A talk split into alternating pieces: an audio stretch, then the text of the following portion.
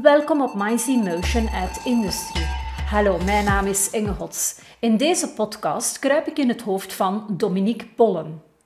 Een enterprise architect met tonnen ervaring in digitale transformaties en automatisering. Maar wat doet nu eigenlijk zo'n enterprise architect? En waarom is er nu zoveel vraag naar deze functie, ook binnen de industrie?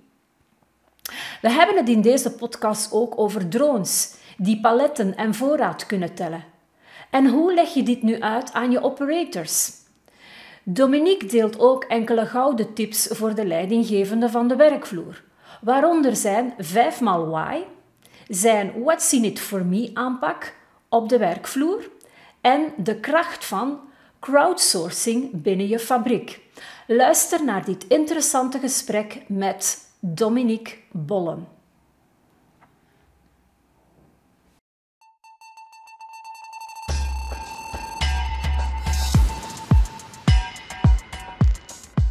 Eh, laat me zeggen, toch een beetje trendy is geworden. Uh, sluit ook nou aan met de, de hele hype rond digitalisatie en uh, het uh, meer datagedreven worden van bedrijven. Um, zelf ben ik eigenlijk een beetje in die functie gerold vanuit, laat mij zeggen, de operationele lagen. Ik heb, ben zelf ook gestart destijds, een paar decennia geleden, met applicaties ontwikkelen, netwerken opzetten, servers configureren en dergelijke meer. En na verloop van tijd dan zie je eigenlijk ook dat um, de dingen die je op dat moment allemaal realiseert, dat zijn eigenlijk wel knappe dingen, maar um, zijn alleenstaand. -hmm. En als je dan eigenlijk een beetje dieper gaat kijken en achterliggend gaat kijken binnen die bedrijven, dan merk je eigenlijk dat er vaak een, een soort van lijm, een soort van strategische lijm ontbreekt tussen die verschillende projecten. Er wordt wel ergens iets opgestart, maar dat past dan niet in het kader van, laat maar zeggen, uw collega aan de overkant van de gang of uh, het verdiep boven u of onder u. En laat mij zeggen dat daar net enterprise architectuur een beetje in de picture komt, die eigenlijk ook strategischer en op langere termijn gaat denken. En er gaat voor zorgen dat er een soort van blueprint, een soort van uh, ja, laat me zeggen, een architectuur zoals bij uw huis uh, bestaat, waarbinnen eigenlijk iedereen kan functioneren en zijn doelstellingen kan gaan uh, inpassen. Met manier van spreken, de metser van uw huis gaat zich houden aan het plan. Hij gaat geen ronde muur metsen als er eigenlijk een vierkante of een rechte hoek eh, getekend is.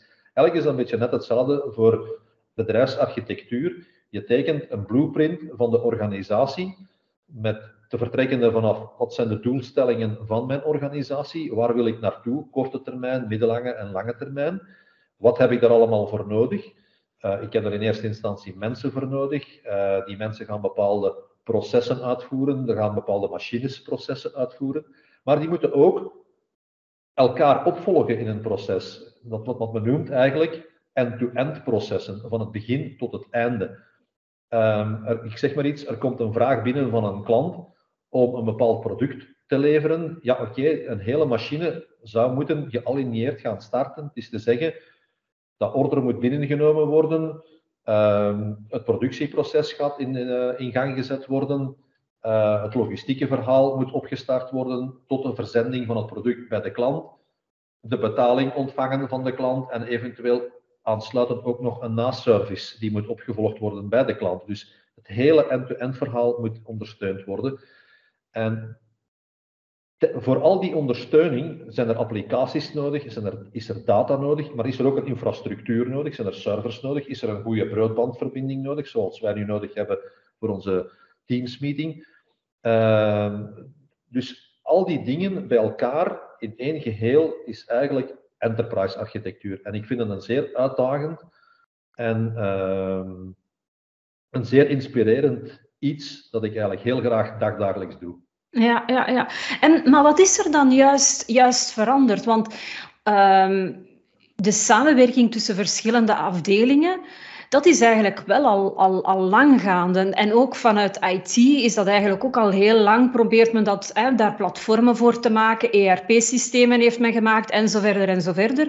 Wat, wat is er dan nu juist net veranderd met met deze functie, met enterprise architectuur. Uh, wat is het verschil met vroeger? Wel, de grote verandering ten opzichte van, laat mij zeggen, tien jaar geleden, is dat alles uh, in deze tijd technologisch gezien heel, heel snel evolueert. Zoals we dat eigenlijk noemen, we leven vandaag in een, in een VUCA-wereld, uh, die eigenlijk van de ene seconde op de andere anders is. Er is een andere vraag, er zijn andere concurrenten die uit een hoek komen die voorheen ondenkbaar waren. Uh, ik, bijvoorbeeld uh, een Google of een Apple-auto. ik denk niet dat Mercedes er 40 jaar geleden aan gedacht zou hebben dat Google of Apple een zelfrijdende auto in gedachten hadden om te produceren. ook in de financiële wereld. we kunnen vandaag betalen met allerlei middelen die niet gelinkt zijn aan grootbanken. Ja. Dus alles verandert heel snel, technologie verandert snel. Ja, oké, we, werken vandaag met drones, we werken vandaag met uh, alle IoT-devices, laat me maar zeggen. Hè. De frigo bij jou in de keuken kan verbonden zijn met uw smartphone-app, dat je dan in de winkel kan consulteren om te zien, ah, staat er nog boter in de, of melk in de frigo? Dus dat zijn allemaal dingen die heel snel veranderen. En uh, bedrijven hebben soms niet de, de flexibiliteit om zich daar heel snel aan aan te passen. En enterprise architectuur gaat daar proberen toch een antwoord op te bieden. Zodat er eigenlijk minder, nooit 100%, maar dat er eigenlijk minder verloren investeringen en tijd wordt uh, uh, besteed eigenlijk. Dus die, die, die straks niet meer voldoet aan wat de markt morgen nodig heeft. Dus we moeten heel snel kunnen anticiperen. En dat is eigenlijk enorm veranderd de laatste jaren, waar eigenlijk vroeger je kocht een server en je kocht een bepaalde applicatie. En eigenlijk was je gerust voor de volgende 5, 6, 7 jaar. Net zoals dat je een office koopt of, of dergelijke meer. Uh, vandaag is dat heel anders. Er komt een nieuwe, een nieuwe leverancier op de markt, een nieuw product dat gelanceerd wordt met andere kenmerken. Dat moet allemaal binnen jouw ERP-systeem passen. En natuurlijk, zoveel te groter je organisatie en zoveel te groter je applicatie, zoveel te moeilijker wordt het ook om ja, ergens kleine stukjes binnen die grote dozen te gaan manipuleren, want natuurlijk, alle schakels hangen aan alles vast. Bij gevolg, ja, oké, als je daar ergens één verkeerde uh, connectie maakt, ja, kan je heel systeem onderuit gaan en dat is ook nou net niet, niet de bedoeling. Mm -hmm, en ja. vandaar eigenlijk dat daar toch uh, een enterprise architect gaat er, of een enterprise architectuur gaat er over waken dat die verschillende kleine componentjes ook bij wijziging overeind blijven en dat die gaan blijven werken. En dat je eigenlijk heel snel kan zien van, ah, kijk, we gaan geen nieuwe applicatie maken voor dit, maar we gaan eigenlijk die functionaliteit die we nodig hebben, die past misschien het best wel in die applicatie. Of dat stukje van het proces, we gaan dat niet laten doen door de mensen van, ik zeg maar iets, sales en marketing, maar misschien door de mensen die finance doen. Mm -hmm. Ja. Dus je gaat eigenlijk heel snel zien van oké, waar past nu die nieuwe functionaliteit, die nieuwe behoefte binnen uw landschap, binnen uw ecosysteem van uw organisatie, zodat dat eigenlijk sneller gaat deel uitmaken van uw DNA. Ja, en dat gaat eigenlijk ook ervoor zorgen dat uw projecten sneller, beter en efficiënter gerealiseerd gaan worden, maar ook dat uw mensen zich gaan beter voelen naar die implementatie van toch wel iets nieuws tussen aanhalingstekens. Mm, ja, ja, je gebruikt het woord snelheid heel veel. Hè. Je hebt het regelmatig nu gebruikt. Uh, dat is natuurlijk een hele belangrijke. En uh, ik ervaar dat organisaties ja, met die digitalisatie, ja, je ziet verschillen hè, qua snelheid. Hè, neemt de bankwereld, ik denk dat die heel snel, hè, heel snel schakelen, moeten schakelen. Maar industriële omgevingen um, ja, hebben soms een bestaande infrastructuur. Uh, sommige, hè, soms is die infrastructuur ook uh, al vrij oud kan je daar eigenlijk die snelheid waar dat jij naar verwijst, kan je, die, kan je dat daar ook op dezelfde manier implementeren of, of uitvoeren als bijvoorbeeld een meer high-tech omgeving, zoals bijvoorbeeld bij banken? Ja, ik denk dat er eigenlijk heel, uh, moet ik zeggen, uh, uh, op dit moment of de laatste tijd eigenlijk een aantal concrete en zeer duidelijke voorbeelden zijn van, van, van geweest. Zelf ben ik ook altijd ingesteld van laat ons iets gebruiken op een multifunctionele manier. Dat is het meest efficiënt. Ik denk nog altijd dat is het meest efficiënte, want als je één ding kan gebruiken voor meerdere toepassingen, dan gaat het rendement hoger worden. Misschien een mhm. simplistische en verkeerde opvatting, maar ik ben daar eigenlijk gedurende mijn loopbaan nog nooit uh, slechte ervaringen mee tegengekomen. Als ik nu bijvoorbeeld kijk in de, tijdens de coronacrisis, er zijn tal van bedrijven die eigenlijk hun eigen productieband heel klein hebben bijgetuned, bijgestuurd, om bijvoorbeeld mondmaskers te maken. Ja. Dus daar zie je eigenlijk dat al die infrastructuur die vandaag aanwezig is, zich wel degelijk kan, kan ten dienste stellen van andere dingen. Alleen, je moet de creativiteit zien en je moet eigenlijk ook soms ja, de, de, de slagkracht hebben om dat te kunnen doen. En de slagkracht, ja oké, dat betekent, mijn mensen moeten er allemaal achter staan. Ik moet uiteraard liquide middelen hebben om dat te doen. Uh, maar je maakt eigenlijk ook van je, van uw machines die tijdens een bepaalde periode stil lagen om je core activities uit te voeren, ga je dan uiteindelijk toch terug in actie zetten en eigenlijk ook terug 100% operationeel en laten renderen. En dat is eigenlijk wel, een, een, vind ik persoonlijk vandaag, uh, een, concreet voorbeeld van hoe kan je eigenlijk uh, ja, multifunctioneel gaan worden en snel gaan schakelen naar de behoeften van de markt. Ja, ja, ja. Je hebt het al ervaren, je hebt het al eens gezien binnen bestaande structuren. Um, Oké, en een enterprise architect zoals jij, bij wie werk je dan vooral samen? Is dat met de top van de organisatie of uh, wat moet ik me daarbij voorstellen, Dominique? Um, je kan je daar alles bij voorstellen, eigenlijk. Uh, dat gaat van, van kleine bedrijven tot heel grote bedrijven. Uh, ik heb gewerkt voor uh, vooraanstaande farmaceutische bedrijven. ik heb gewerkt voor de overheid. Ik heb al gewerkt voor, laat mij zeggen, kleinere bedrijven, maar met een niche technologische ontwikkeling of, of uitvinding. Ehm, dat is zowel dan nationaal als internationaal. -hmm je kan het overal toepassen. Je gaat natuurlijk niet. Uw, architectuur, uw architecturaal plan voor een grote onderneming is natuurlijk niet van dezelfde, laat mij zeggen, oppervlakte of grootte dan die voor een kleine KMO van 10 mensen. Maar het concept van architectuur komt altijd terug. zet de puzzels, zet altijd de schakels op de juiste plaats en het kan draaien. Mhm. Ik, geef consultancy, ik ben zelfstandig. Uh, ik geef consultancy aan kleine bedrijven. Ja, oké, dat is dan sneller gedaan uh, dan een project van twee jaar voor, uh, voor een grote multinational. Ja, en werk je dan vooral samen met de top van het bedrijf, met het management? Of zien we een enterprise architect eigenlijk ook ehm, op de werkvloer ehm, waar dat de productie gebeurt? Um, vanuit mijn perspectief, uh, of hoe ik het eigenlijk altijd aankijk naar een enterprise architect, die loopt overal binnen het bedrijf. Zowel met het topmanagement als met de man uh, of de vrouw uh, op de werkvloer.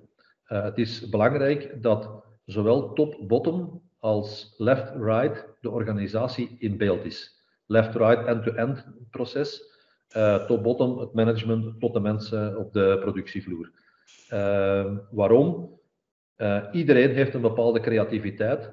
Iedereen weet hoe dat zijn job uh, beter kan ingevuld worden. Gemakkelijker, sneller, veiliger. Noem maar op, waar ze zich ook gewoon mentaal beter door voelen. Uh, iedereen weet ook bijvoorbeeld hoe het snelst nieuwe mensen inschakelen. Mm -hmm. als je niet vertrouwd bent met dat proces, kan je eigenlijk ook moeilijk mensen inschakelen die dat proces helemaal niet kennen. Je moet eigenlijk ook een stukje ervaring kunnen meedelen. Dat zijn de mensen die het doen. Ja. dat is in elke laag van het bedrijf, uh, in elke, zoals we het soms noemen, in elke silo van het bedrijf. De silos zouden moeten weg zijn, maar in principe, ja, iedereen zit nog wel binnen een afdeling, dus dat is specifiek. Mm -hmm. Dus uh, ja, ik kom ja, overal. Dus jij komt overal.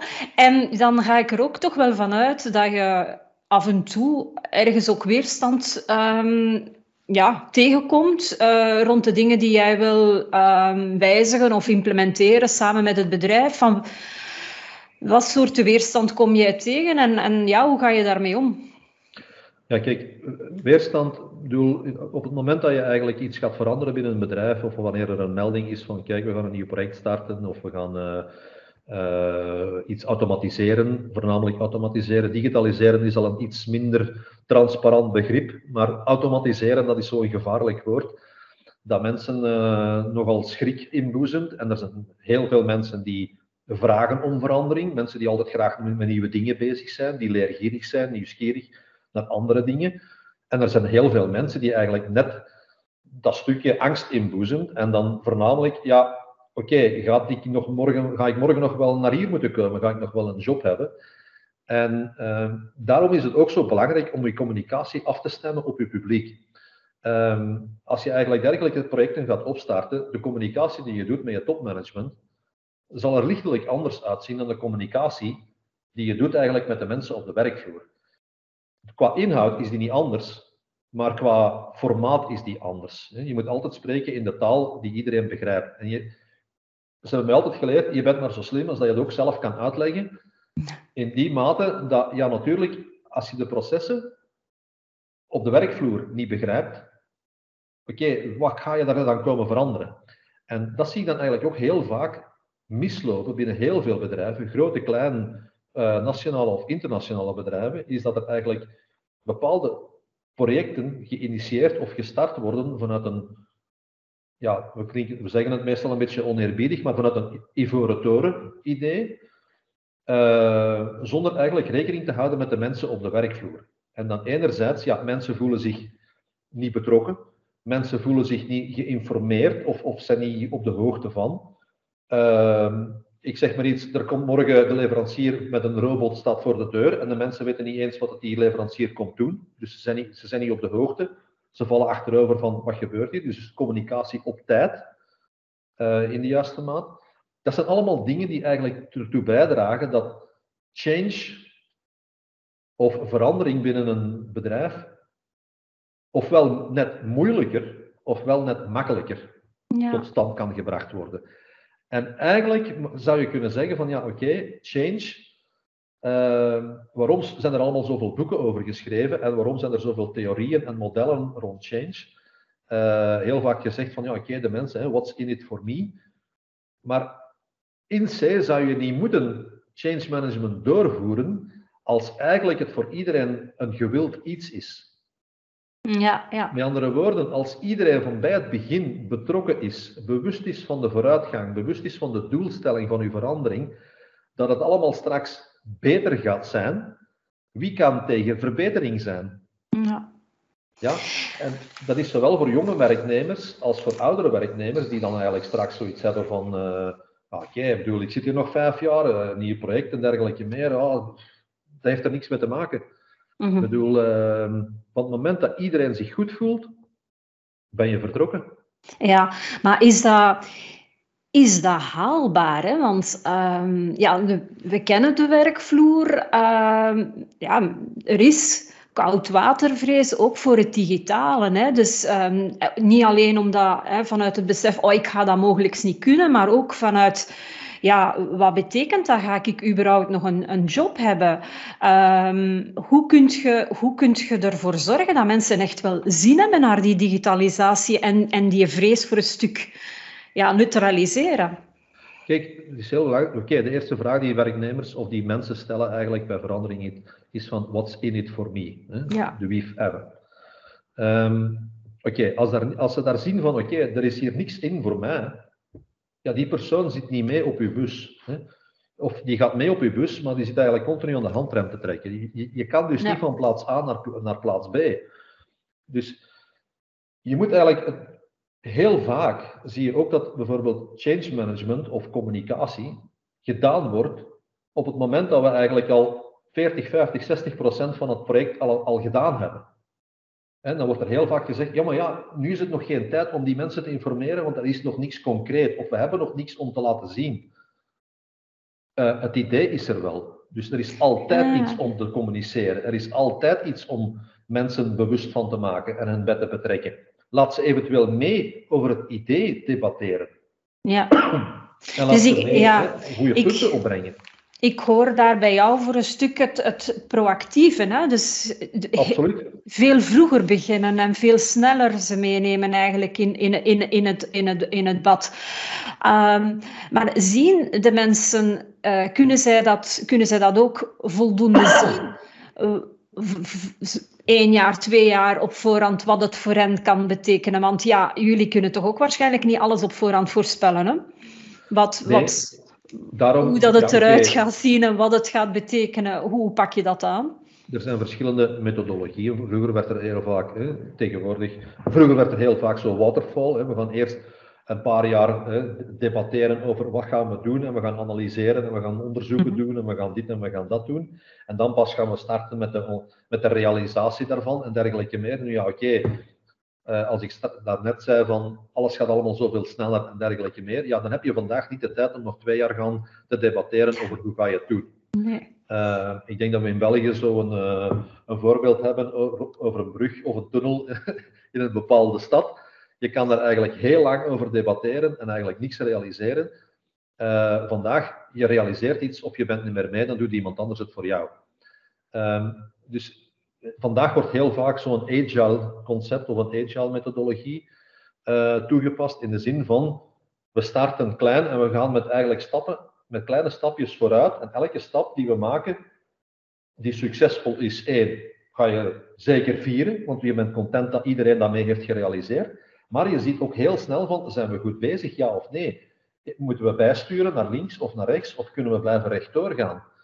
Bij gevolg, je, gaat eigenlijk constructief opbouwen, eigenlijk. In de zin van, veel act fast, fail fast. Je weet het heel snel, van ik ben niet goed bezig, ik moet bijsturen. En dan ben je ook niet veel tijd en energie kwijt. Je kan dan eigenlijk heel snel, bijvoorbeeld na een paar weken, maanden, eigenlijk al direct zeggen van oké, ehm, we moeten bijsturen. Of het is Mhm. toch niet wat we gedacht hadden. Dat is natuurlijk een heel ander verhaal als dat je eigenlijk over drie, vier jaar zit te praten. Ja, ja, ja, echt stap voor stap opbouwen en heel agile en heel wendbaar. Ja. Nu, ehm, maar over dat mensgerichte. Hè? Hoe kan je eigenlijk binnen enterprise architectuur en als enterprise architect er ook voor zorgen dat de dingen dat je doet, dat daar, ja, dat, dat ook mensgericht is? Hè? Want het voelt allemaal nu heel rationeel aan en, en hoe pak je dat aan? Wel, een deel van eh, architectuur is ook rekening houden met ehm, net die aspecten die iets bijdragen voor het menselijk welzijn. Hè? Het menselijk eh, goed voelen eigenlijk op de werkvloer, maar ook naar toepassing van uw, van uw, van uw oplossing. Als we bijvoorbeeld kijken, er zijn tegenwoordig zoveel prachtige dingen op de markt.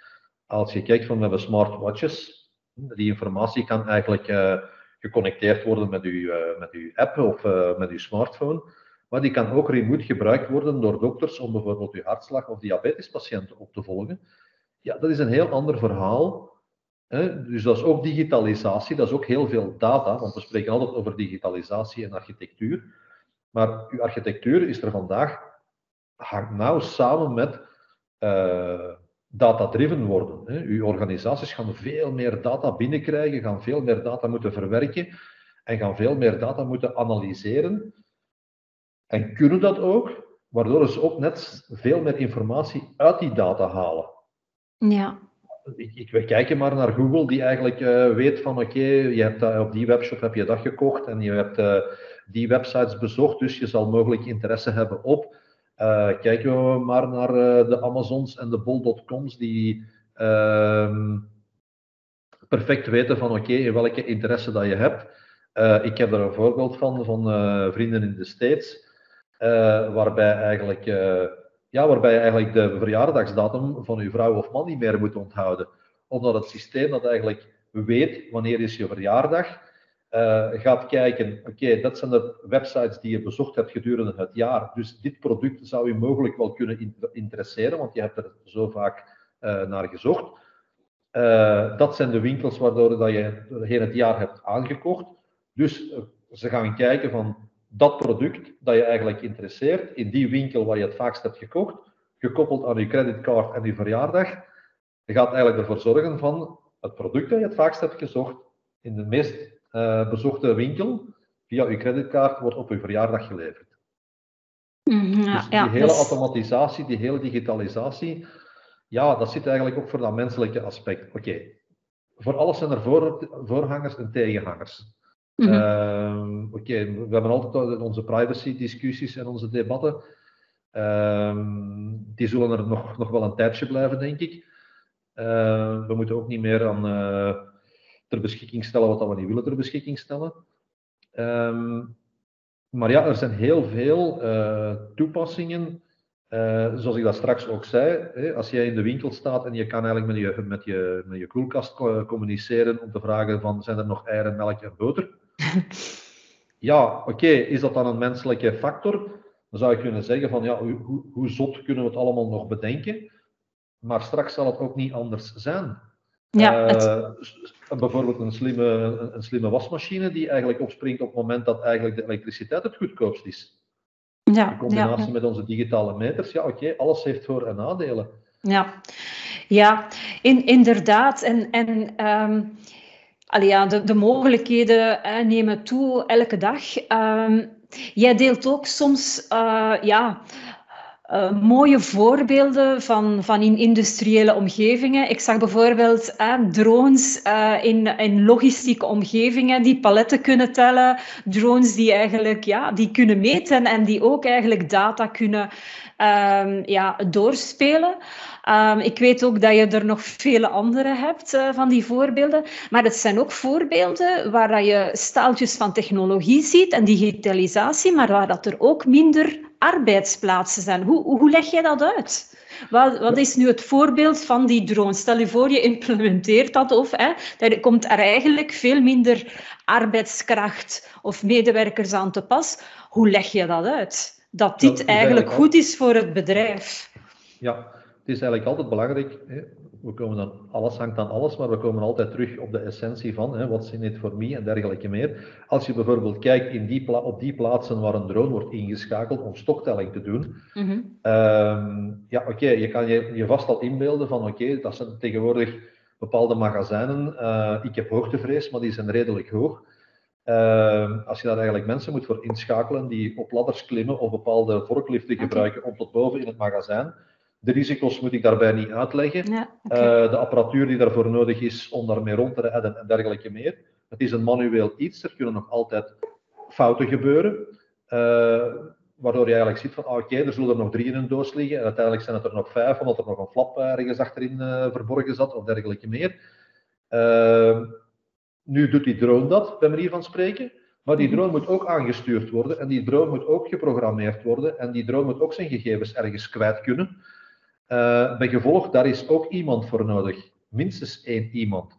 Want iemand moet die, die drone controleren, maar iemand uh, gaat eigenlijk ook die veel meer informatie die aangeboden wordt door die drone communiceren naar een bepaald datacenter waar iemand die data gaat moeten verwerken. Die data mhm. gaat correct binnenkomen, maar ze moeten nog wel verwerkt worden. Waardoor je eigenlijk ook weer terug opnieuw sneller kan gaan anticiperen op voorraadbehandeling bijvoorbeeld, of op Terwijl dat die drone daar in de lucht hangt, kan die even goed kijken naar, ik zeg maar iets, de kwaliteit van uw rek, van uw stelling. Is die nog optimaal? Of, of is hier een gevaar voor, ja, heel drastisch gezegd, voor instorting van de, van de rek of de pallets of dergelijke meer? Dat kan die drone allemaal meenemen. Is de temperatuur op die hoogte in het magazijn nog optimaal? De luchtvochtigheid? Dat kan die drone allemaal doen, terwijl eigenlijk nu iemand, ja, mogelijk wel via een apparaat, maar dat fysiek, fysiek moet voor aanwezig zijn. Mm Ja, ja. Dus je kan eigenlijk die mensen die eigenlijk nu met een ladder op het rek klimmen, kan je eigenlijk straks gebruiken als operator van die drone. Ja. En ja, uiteraard, bepaalde mensen zijn geïnteresseerd om dat te doen, ja en nee, maar dat ga je altijd hebben en met alles, en dat is doorheen de tijd ook geweest. Uh, Er zijn vroeger ook mensen geweest die niet graag fietsten en het liever te voet deden.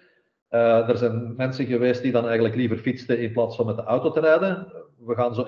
Dat is de evolutie van de tijd natuurlijk. Ja, uh, ja. de functies gaan veranderen. Dat hoor ik wel heel duidelijk in jouw verhaal. Als, als de digitalisatie uh, eigenlijk wordt toegepast, automatisatie wordt toegepast, gaan de functies veranderen. Nu, um, welke tips geef jij aan de leiders of leidinggevenden waarmee je samenwerkt? Hè? Want die eigenlijk staan zij, staan zij het kortst bij de werkvloer. Zij hebben eigenlijk het meeste te maken met die weerstand. Ehm, welke zijn zo de tips en inzichten of handvaten dat jij hen zou, zou willen meegeven? Wel, er zijn eigenlijk heel veel uh, ja, seminaries, meetings, uh, congressen die opgezet worden rond bijvoorbeeld crowdsourcing. Mhm. en, of, of co-creation en co-partners. Van alle dingen eigenlijk, die moeten in de verf zetten dat we met z'n allen veel meer weten en kunnen realiseren dan dat je dat alleen doet. Nu, heel vaak hoor je in organisaties zeggen, de mensen zijn eigenlijk mijn belangrijkste kapitaal. Mhm. Ehm, alleen vind ik het heel vaak jammer dat dat zo weinig wordt gebruikt. Als je eigenlijk bijvoorbeeld, ja, oké, we zijn hier nu met twee, maar wij weten met onder ons twee nog altijd veel minder dan dat we hier moesten met twintig zijn. Mhm. Dus gebruik de creativiteit, de ervaring, de kennis van iedereen binnen je organisatie. Maak er een soort van laat mij zeggen, crowd knowledge sharing van. Dat je eigenlijk alle mensen samenbrengt binnen je organisatie rond ideeën, rond veranderingen, rond innovatie. Iedereen heeft wel iets gezien. Hè. Met manier van spreken, je gaat op vakantie, de ene gaat naar de kust, de andere naar de Ardennen, iemand anders gaat naar de andere kant van de wereld. Los van uw professionele loopbaan ga je altijd wel ergens iets opmerken van, verdorie, dit is interessant. Mhm. En je brengt dat eigenlijk gewoon terug mee en dan ga je dat proberen luisteren naar je mensen, hè, die je eigenlijk, waar je mee samenwerkt. Gebruik het kapitaal. Vandaag wordt het kapitaal van je mensen enkel gebruikt voor arbeid. Van ze werken, ze presteren zoveel uur. Nee, soms is ook hun, hun creativiteit is de, de vrije loop laten. Zeer waardevolle tijd. Ja, dat is eigenlijk ja, dat inclusieve eigenlijk, dat je alle talenten en um, gebruikt en benut en, en die creativiteit ook laat gebruiken. Ja, en, de, en naar de werkvloer toe. Als je dus kijkt naar, naar operators en wat zou je hen, hè, moest je, wat zou je hen aanraden? Want Um, ja, zij kijken toch een beetje met argusogen naar alles wat er aan het gebeuren is en waar dat jij mee bezig bent. Als ik het zo mag zeggen, welk advies zou je hen geven? In eerste instantie, uh, wees zeker niet bang. laat me zeggen, als we nu puur spreken rond automatisering en we spreken misschien over robotisering, er zijn studies die uitgewezen hebben van kijk, het plaatsen van één robot geeft werk aan vier mensen. Dus met andere woorden, schrik voor je job moet je eigenlijk niet hebben. Natuurlijk, zoals we gezegd hebben, door de tijd heen, er is altijd een natuurlijke evolutie. De jobs gaan verdwijnen en nieuwe soorten jobs gaan gecreëerd worden. En vandaag zijn er meer jobs gecreëerd dan dat er eigenlijk ooit zijn geweest. Uh, ik bedoel daarmee in verschillende types en, en, en functieinhouden. Um, aan de andere kant, durf ook in gesprek gaan met uw collega's rond ideeën en zeker met uw leidinggevende, uw, uw management. En durf daar eigenlijk ook initiatief in nemen. Um, je moet eigenlijk een soort van open cultuur of open debatgeest in je bedrijf installeren. En soms zijn dat eigenlijk maar kleine dingetjes, maar die worden wel gehoord. Mm ik zou zeggen, denken, durven, doen. Het zijn belangrijke aspecten voor iemand. Uh, eigenlijk van, van, van boven tot onder in de organisatie, niet alleen voor de mensen van de werkvloer. Die, die open cultuur eigenlijk rond, rond, rond ja, die digitalisatie. Um, nu, ja, jij, jouw functie hè, is geëvolueerd naar onder andere enterprise architect, maar moet elke IT'er of iedereen dat met IT is binnen het bedrijf niet een stukje enterprise architect worden om, om ja, mee te kunnen met die snelheid? Want ja, je hebt binnen enkel elk bedrijf je hebt je natuurlijk ook een IT-afdeling. Mogelijk is het ook outgeoutsourced, maar moet dat niet geïntegreerd worden in elke functie? Kijk, ik geloof altijd nog in het feit dat ieder van ons in zich een enterprise architect is. Um, ja. Oké, we doen dat eigenlijk onbewust en dat is misschien nog wel het meest mooie eraan. Um, alleen natuurlijk, ja, we, zijn het allemaal niet we vinden het allemaal niet zo evident om dat op de werkvloer te doen. Um, gewoon terugkomend op de definitie van enterprise architectuur. zoals ik het eigenlijk zie, dat is dus eigenlijk echt die strategische lijn of die strategische alignering tussen uw organisatie, uw doelstellingen en alles wat je daar eigenlijk voor nodig hebt om dat te realiseren. Mhm. Ah, iedereen doet dat bij zich thuis voor zijn gezin. Je houdt met alles rekening. En eigenlijk is dat ook een bepaalde architectuur. Je gaat niet meer uitgeven dan dat je eigenlijk geld voor hebt. Of je gaat eigenlijk niets doen waar je eigenlijk de kennis niet voor hebt. Je gaat dat dan uitbesteden. Je, je, je belt de loodgieter, je belt, de elektricien. Ehm, je gaat ervoor zorgen van oké, ik heb hier eigenlijk uh, voldoende eten in huis. Je gaat eigenlijk alles timen en je gaat ook combinaties maken van. Iedereen is een beetje een, een enterprise architect op zich. En die enterprise, hoe klein of hoe groot, maakt niet uit. Hè? Dat is allemaal op schaal. En dan kom ik ook weer terug van, gebruik dat binnen uw bedrijf. Mhm. Gebruik terug opnieuw dat beetje enterprise architect in ieder om eigenlijk uw volledig bedrijf een mhm. soort van enterprise architecturaal DNA te maken. Ja, en dat komt er gewoon op neer van zorg ervoor dat alles aan elkaar hangt. Het is niet de bedoeling dat je eigenlijk op een, op, op, op een, in, in, een bedrijf binnen een bepaald proces zegt van kijk, mijn werk is hier gedaan, voilà, ik gooi het hier over de muur bij de, mijn collega en dat die er zijn plan maar mee trekt. Ja. Het moet maar in orde komen. En als het verkeerd is, ja oké, ik heb er niks mee te maken. Hè. Kijk, dat is, dat is eigenlijk silo-werking en dat werkt alleen maar achteruit, vertragend en, en, en eigenlijk een beetje moordend in deze tijd. Ja, Oké, oké. Zijn er zo cruciale vragen die je hebt? Hè, want jij bent daar fulltime mee bezig. Hè, die, die als je ergens toekomt en, en je begint eigenlijk aan, aan die architectuur te werken, zo van die vragen dat je altijd stelt. En die je wil misschien met ons delen, die wij eventueel, als wij met ja, ook met digitalisatie bezig zijn, dat wij die eventueel ook kunnen gebruiken om bepaalde zaken in vraag te stellen. Heb jij zo van die gouden vragen, Dominique? gouden vragen, het is misschien... Uh... Reflectieve gouden vragen die we die ons zeker moeten stellen wanneer dat we met uh, automatisatie, digitalisatie, IT bezig zijn. Kijk, het is, het is soms vaak uh, een, beetje, een beetje humoristisch als je ehm, de, de, de vacatures leest van, uh, van bedrijven die eigenlijk op zoek zijn naar een enterprise architect. En uh, dan eigenlijk ziet wat dat de mensen vragen. Of wat het die bedrijven eigenlijk vragen. En uh, dan, dan de eerste vraag die bij mij dan eigenlijk opkomt, is dan eigenlijk waarom hebben jullie die functie nodig? Wat gaan jullie er eigenlijk mee doen? Wat is de bedoeling er eigenlijk van? Um, wat is de doelstelling van uw bedrijf?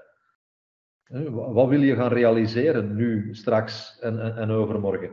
Um, dat je eigenlijk weet van oké, um, ik doe het voor een bepaalde reden. Als, als, als dat ook niet kan gedragen worden binnen je organisatie, of dat het eigenlijk, uh, ja, dat je eigenlijk ziet van een totaal verkeerde functieinvulling. Want leuke termen worden ook uh, creatief gebruikt, gewoon al maar om mensen te, aan te werven vandaag in deze tijd. is moeilijk om mensen te vinden. En dan plakken ze er soms zo een heel interessant label op. Maar als je dan eigenlijk de invulling ziet, die, die, die achterliggend zit, ja, dan besef je van oké, dit, dit, dit gaat niet goed komen. Dit is een verkeerde perceptie van, uh, van de rol. Uh, dus ik vertrek eigenlijk heel vaak, of een van de vragen die ik doorheen mijn projecten altijd stel, is waarom. En binnen sommige bedrijven hebben ze mij al eens Mr. Why genoemd. Uh, maar als je eigenlijk geen vijf keer why of waarom mag stellen en je krijgt daarop geen grondig antwoord, ehm, dan denk ik dat je eh, meer naar links of naar rechts gaat moeten manoeuvreren. Ja, ja, ja. Dus eigenlijk, wat jij doet, is eigenlijk die waarom-vraag stellen, verschillende keren, tot zelfs vijf keren.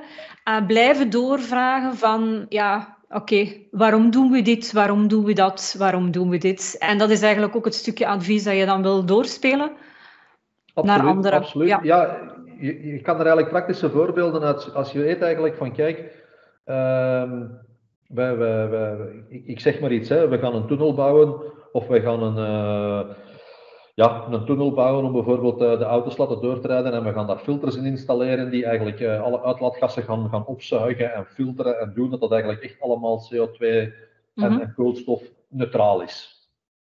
En dat project dat gaat eigenlijk tien jaar duren. En als je dan eigenlijk dan matcht met de, uh, met de wetgeving die onlangs is afgekondigd, dan weet je eigenlijk van, ja maar welke uitlaatgassen gaan we eigenlijk straks nog moeten filteren? Want er mag geen eh, auto, het moeten allemaal elektrische wagens worden. Dus die aftoetsing die moet je eigenlijk ook maken, want waarom ga je dat eigenlijk doen? Het heeft geen nut. Binnen tien jaar is er geen auto niet meer die nog met mhm. mag met een uitlaat rondrijden. Ja. Dus wat ben je dan met je gesofisticeerde tunnel en uh, inspanningen? Je zit daar terug met iets met een lege doos op het einde van de rit. Ja, ja, ja. Dus die, die aftoetsing moet je ook continu maken. En dat is eigenlijk ook een deeltje van die waarom-vraag. Het is niet gewoon maar heel eenvoudig zeggen waarom, maar nee, je moet eigenlijk ook zeggen van kijk, waarom? Want kijk, daar en daar dit, of die concurrent is met dat bezig, of uh, heb je die technologie al gezien? Uh, die mm marktevolutie moet je eigenlijk ook opvolgen en op daarop moet je dan eigenlijk je waarom-vragen baseren. Ja, ja, ja, die waarom-vragen heel belangrijk. Um, nu naar eigenaarschap, um, daar wil ik het ook nog even over hebben. Eigenaarschap is heel belangrijk voor het werkgeluk. Um, mensen hebben dat gewoon nodig. Hoe meer eigenaarschap dat je krijgt, hoe, meestal hoe gelukkiger dat je je voelt in je job. nu, meestal als het aan, op de werkvloer komt, ja, je, je zegt het ook al, het duurt soms een tijdje Um, alvorens dat je dat eigenaarschap kan geven. Um, hè, omdat er bepaalde stappen moeten doorlopen worden. Heb je soms voorbeelden van, ja, van wat je kan doen eventueel om dat eigenaarschap toch sneller te geven of vlugger? Ja. Um, in zo'n projecten misschien concrete voorbeelden of zo? kijk, als je eigenlijk heel snel, als je stel je op de werkvloer, dan zou je iets gaan automatiseren of dergelijke meer, maar het is allemaal nog een beetje laten we zeggen, hol of vaag. Hè. Het is mm allemaal niet duidelijk hoe dat we het gaan doen of dergelijke meer. Er zijn altijd mensen op die werkvloer die geïnteresseerd zijn om een bepaalde verantwoordelijkheid te nemen, om een bepaald ownership te nemen rond een bepaald deel van het project. Zou je eigenlijk kunnen zeggen van kijk, die bepaalde persoon of die paar personen, afhankelijk van de grootte van de organisatie, voilà, jullie zorgen ervoor, ik zeg maar iets, voor de verzameling van de creatieve, creatieve ideeën rond deze thematiek op de werkvloer. Kijk, die mensen hebben een veel groter vertrouwen met hun collega's dan dat ik daar ga staan. Want laat ons zeggen, we hebben het ook al aangehaald in het gesprek, uh, iemand die met change en automatisering aankomt, die wordt soms nogal eens raar bekeken. Dus zet er mensen die eigenlijk vertrouwen hebben met de mensen. Mhm. Ja, en dat geeft een vertrouwen onderling, maar dat geeft ook een bepaalde verantwoordelijkheid. Want je zegt tegen die mensen van kijk, jij zorgt voor de lijst van de creatieve ideeën. Mhm. En die ga je dan capteren en dergelijke meer. Het is ook een beetje delegeren van werk binnen je mhm. eigen project. En het is ook belangrijk van, dat je eigenlijk zoveel mogelijk laat doen door de mensen zelf. Hè. Het, het, is heel belangrijk om een soort van leidende, coachende figuur en rol te zijn binnen de organisatie. Vooral mhm. vanuit onze consultantrol eigenlijk. Van leer, ze, leer de mensen het doen coach de mensen na met help een handje even vasthouden, totdat ze op eigen benen kunnen staan en je kan aan de volgende. Mhm. En dat gaat veel minder bruut overkomen dan dat je eigenlijk zegt. En vanaf nu gaan we het zo doen. Ja, ja, ja. Dat bot.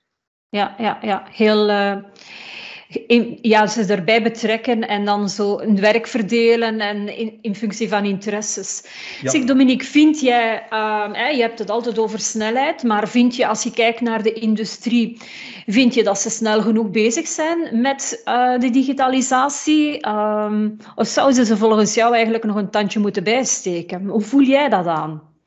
Goh, op bepaalde terreinen zou je kunnen zeggen, het kan nooit snel genoeg gaan. Mhm. Eh, op andere terreinen heb je ook het gevoel van, uh, ja, is de mens hier al eigenlijk klaar voor? Oké. We, moeten eigenlijk ook nog wel kunnen volgen als mens zijn. We moeten eigenlijk ook nog wel, uh, ja, moet ik zeggen, begrijpen of, of, of zelf nog wel het gevoel hebben dat we aan de, aan de, aan de radartjes zitten. Hè? Dat we het allemaal nog wel controleren. Als er op een bepaald moment het gevoel overheerst van de wereld is hier aan het draaien en ik maak er gewoon maar deel van uit en eigenlijk heb ik totaal geen idee meer wat er rond mij gebeurt, dan zijn we eigenlijk ook niet goed bezig. Want straks is dat een heel grote massa die je kwijt bent in je verhaal. Je kan eigenlijk heel snel gaan, maar niemand is nog mee.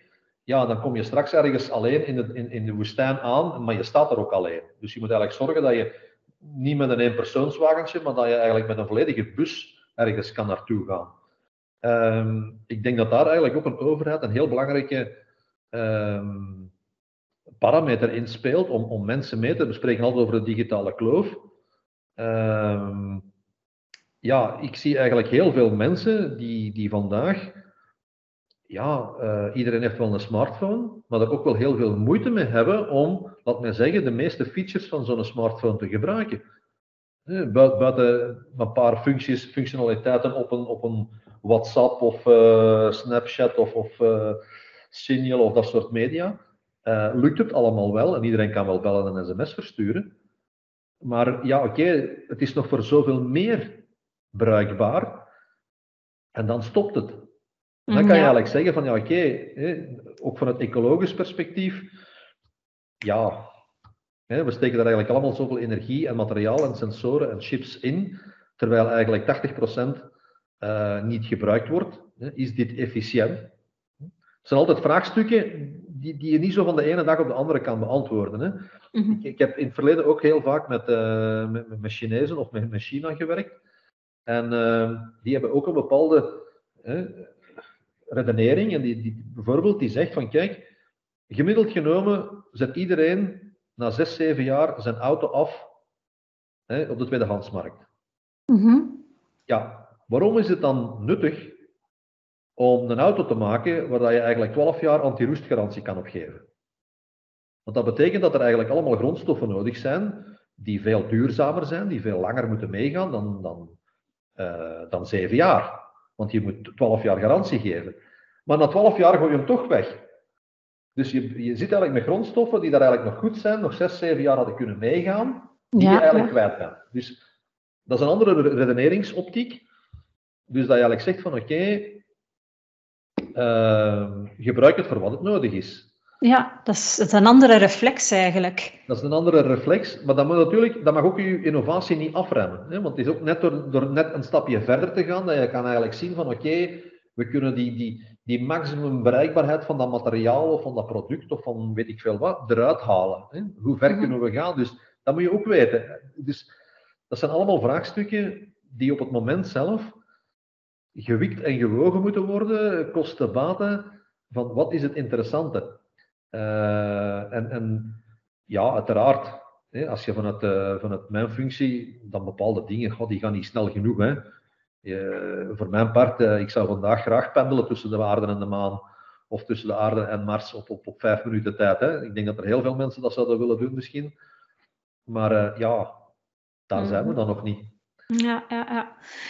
Um, heb je soms bepaalde literatuur dat je, dat je um, leiders, leidinggevenden eventueel aanbeveelt om ja, nog sterker in hun schoenen te staan uh, tijdens digitalisatie- en automatisatieprocessen binnen hun organisatie?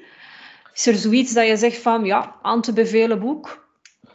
Ja, in het kader van, uh, van, van digitalisatie of van, van laat mij zeggen, uh, het meer data gedreven worden, uh, vind ik eigenlijk een heel goed boek.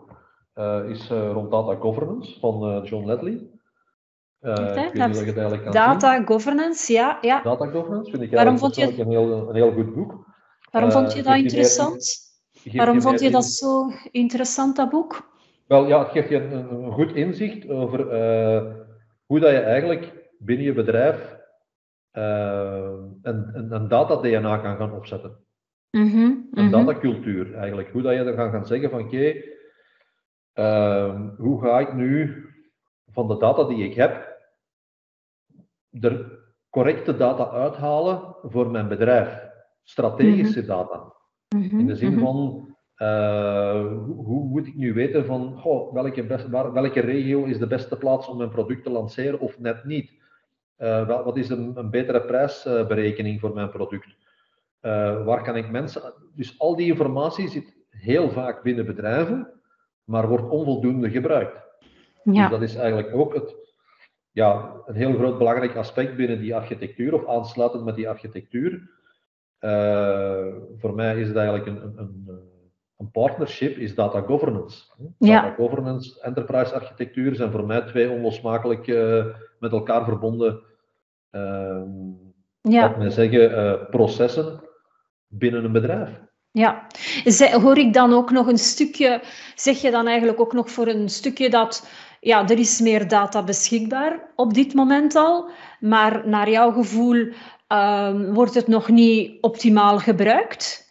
Is, is, ja. Absoluut, absoluut. Ja. Uh, data wordt nog niet optimaal gebruikt.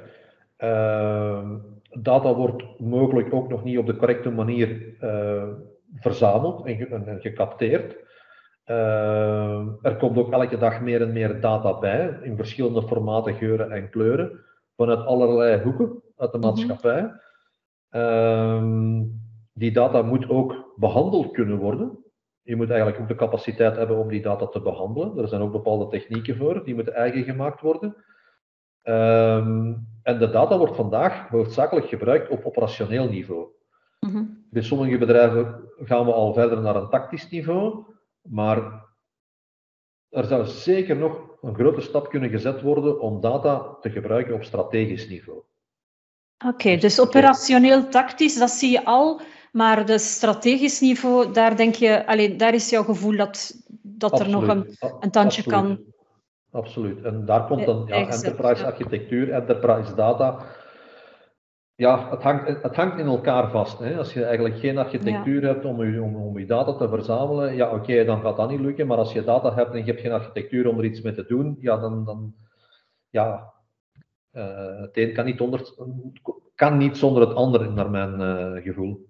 Mhm, ja, mooi, mooi. Um, en dan heb ik uiteraard nog uh, het boek van Topsnelheid op de industriële werkvloer. Ah ja, waar je ook aan meegewerkt hebt, hè?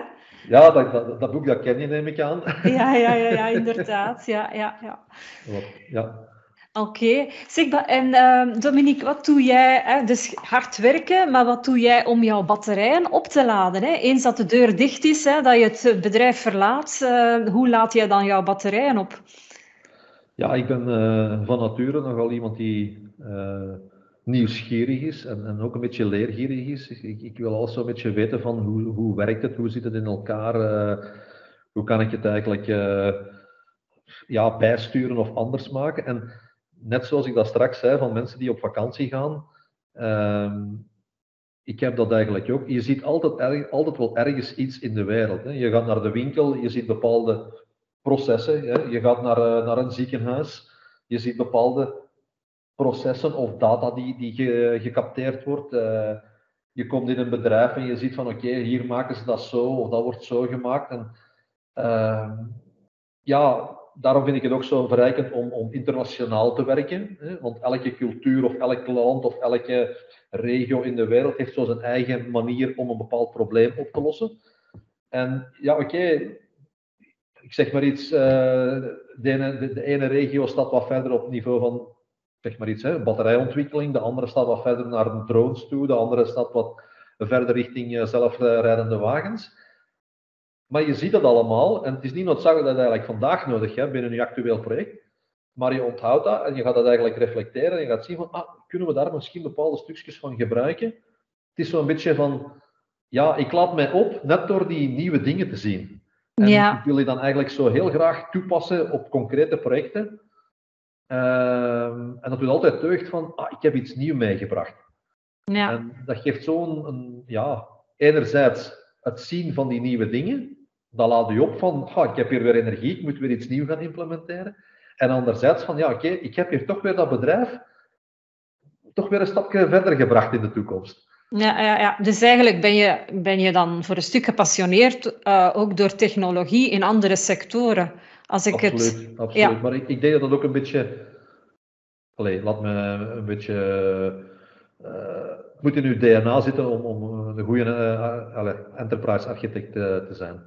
Ja, ja, dus gepassioneerd door technologie. Mooi. Ja, je kan, je kan je kan dat niet zijn door te zeggen van oké, ik ga hier vandaag uh, een of andere masteropleiding volgen en ik krijg op het einde van de rit krijg ik een certificaat Enterprise Architect. En uh, dan zeggen van oké, hier ga ik de volgende 10, 15 jaar opteren. Ja, Voilà. Dat, dat lukt vandaag niet meer. Je moet ook meeblijven met die nieuwe technologie. Het verandert allemaal heel snel. Mensen veranderen, technologie verandert, bedrijven veranderen. Er komen nieuwe bedrijven, er komen bedrijven die gaan.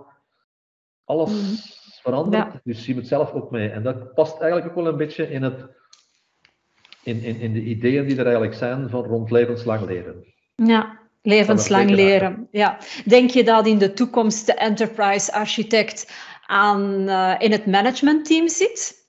Want ja, ik bedoel, het is een, het is een stuk strategie in de functie. Denk je dat dat in die, in die richting gaat evolueren? Eh, ik zou zeggen dat hij daar eigenlijk op sommige plaatsen al zit. Mhm. Eh, en als je daar nog niet zo zit, zou ik het ten sterkste aanbevelen. Ja, ja, oké. Dus je ziet, er is een evolutie dat die functie eigenlijk, ja, dat is een blijver dan eigenlijk, met andere woorden. Absoluut, absoluut. In principe had hij er eigenlijk altijd moeten zijn, maar ja, oké, het is pas eh, de laatste decennia eigenlijk echt populair geworden, of, of eff- effectief mijn naam genoemd. Ja, Ehm, maar dit is ook zo, vandaag is data ook uw business enabler. Hè. Laat mij zeggen, jaren 80, 90 of de vorige eeuw was eigenlijk eh, ja, al hetgeen wat te maken had met IT en, en, en data en al wat, rond, ja, al wat er rond zweefde, was meer een soort van overhead binnen een bedrijf. Van ja, we moeten computers kopen en ja, we moeten weer de dataopslag eh, extra aanwerven.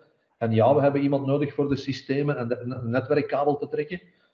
Maar dat is vandaag heel anders. Vandaag is die data en die processen eh, zijn eigenlijk cruciaal voor uw business overeind te houden. En eigenlijk ook een, een onderscheid, een differen- differentiatie te maken met uw concurrenten. Dus je Mhm. hebt dat wel nodig en dat is vandaag een business enabler geworden. ja, ja. Dus we gaan dat zo afronden. We gaan vandaag zo afronden. Het is absoluut een absolute must eh, om dat eigenlijk te integreren in uw managementteam of eigenlijk in uw organisatie. Eh, Ik mag het dan toch zo zeggen. Ja. Hè?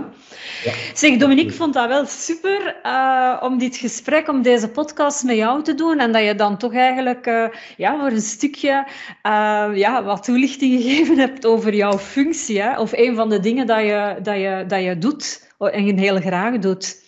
Dus, ja, eh, dat is, dat is wederzijds. Ik heb dat eens eh, graag gedaan, want al- ja, je krijgt niet altijd de tijd om je, wat je eigenlijk dagdagelijks doet, zo Ja. uitgebreid te kunnen vertellen. En het is ook eens een moment voor mezelf om eens te reflecteren van wat zijn we nu eigenlijk allemaal aan het doen. En het is ook niet altijd even een- eenvoudig om het eh, uit te leggen of begrijpbaar te maken voor veel mensen. Van, Ja. Wat doe je precies? Maar je hebt dat, je hebt dat fantastisch gedaan. Dank Dank u wel. wel, Do- Dominique. En eh, ja, begin van het jaar dus ook alvast mijn allerbeste wensen voor 2022. Voor jou hetzelfde. Groetjes, dag. Je goed. Ja.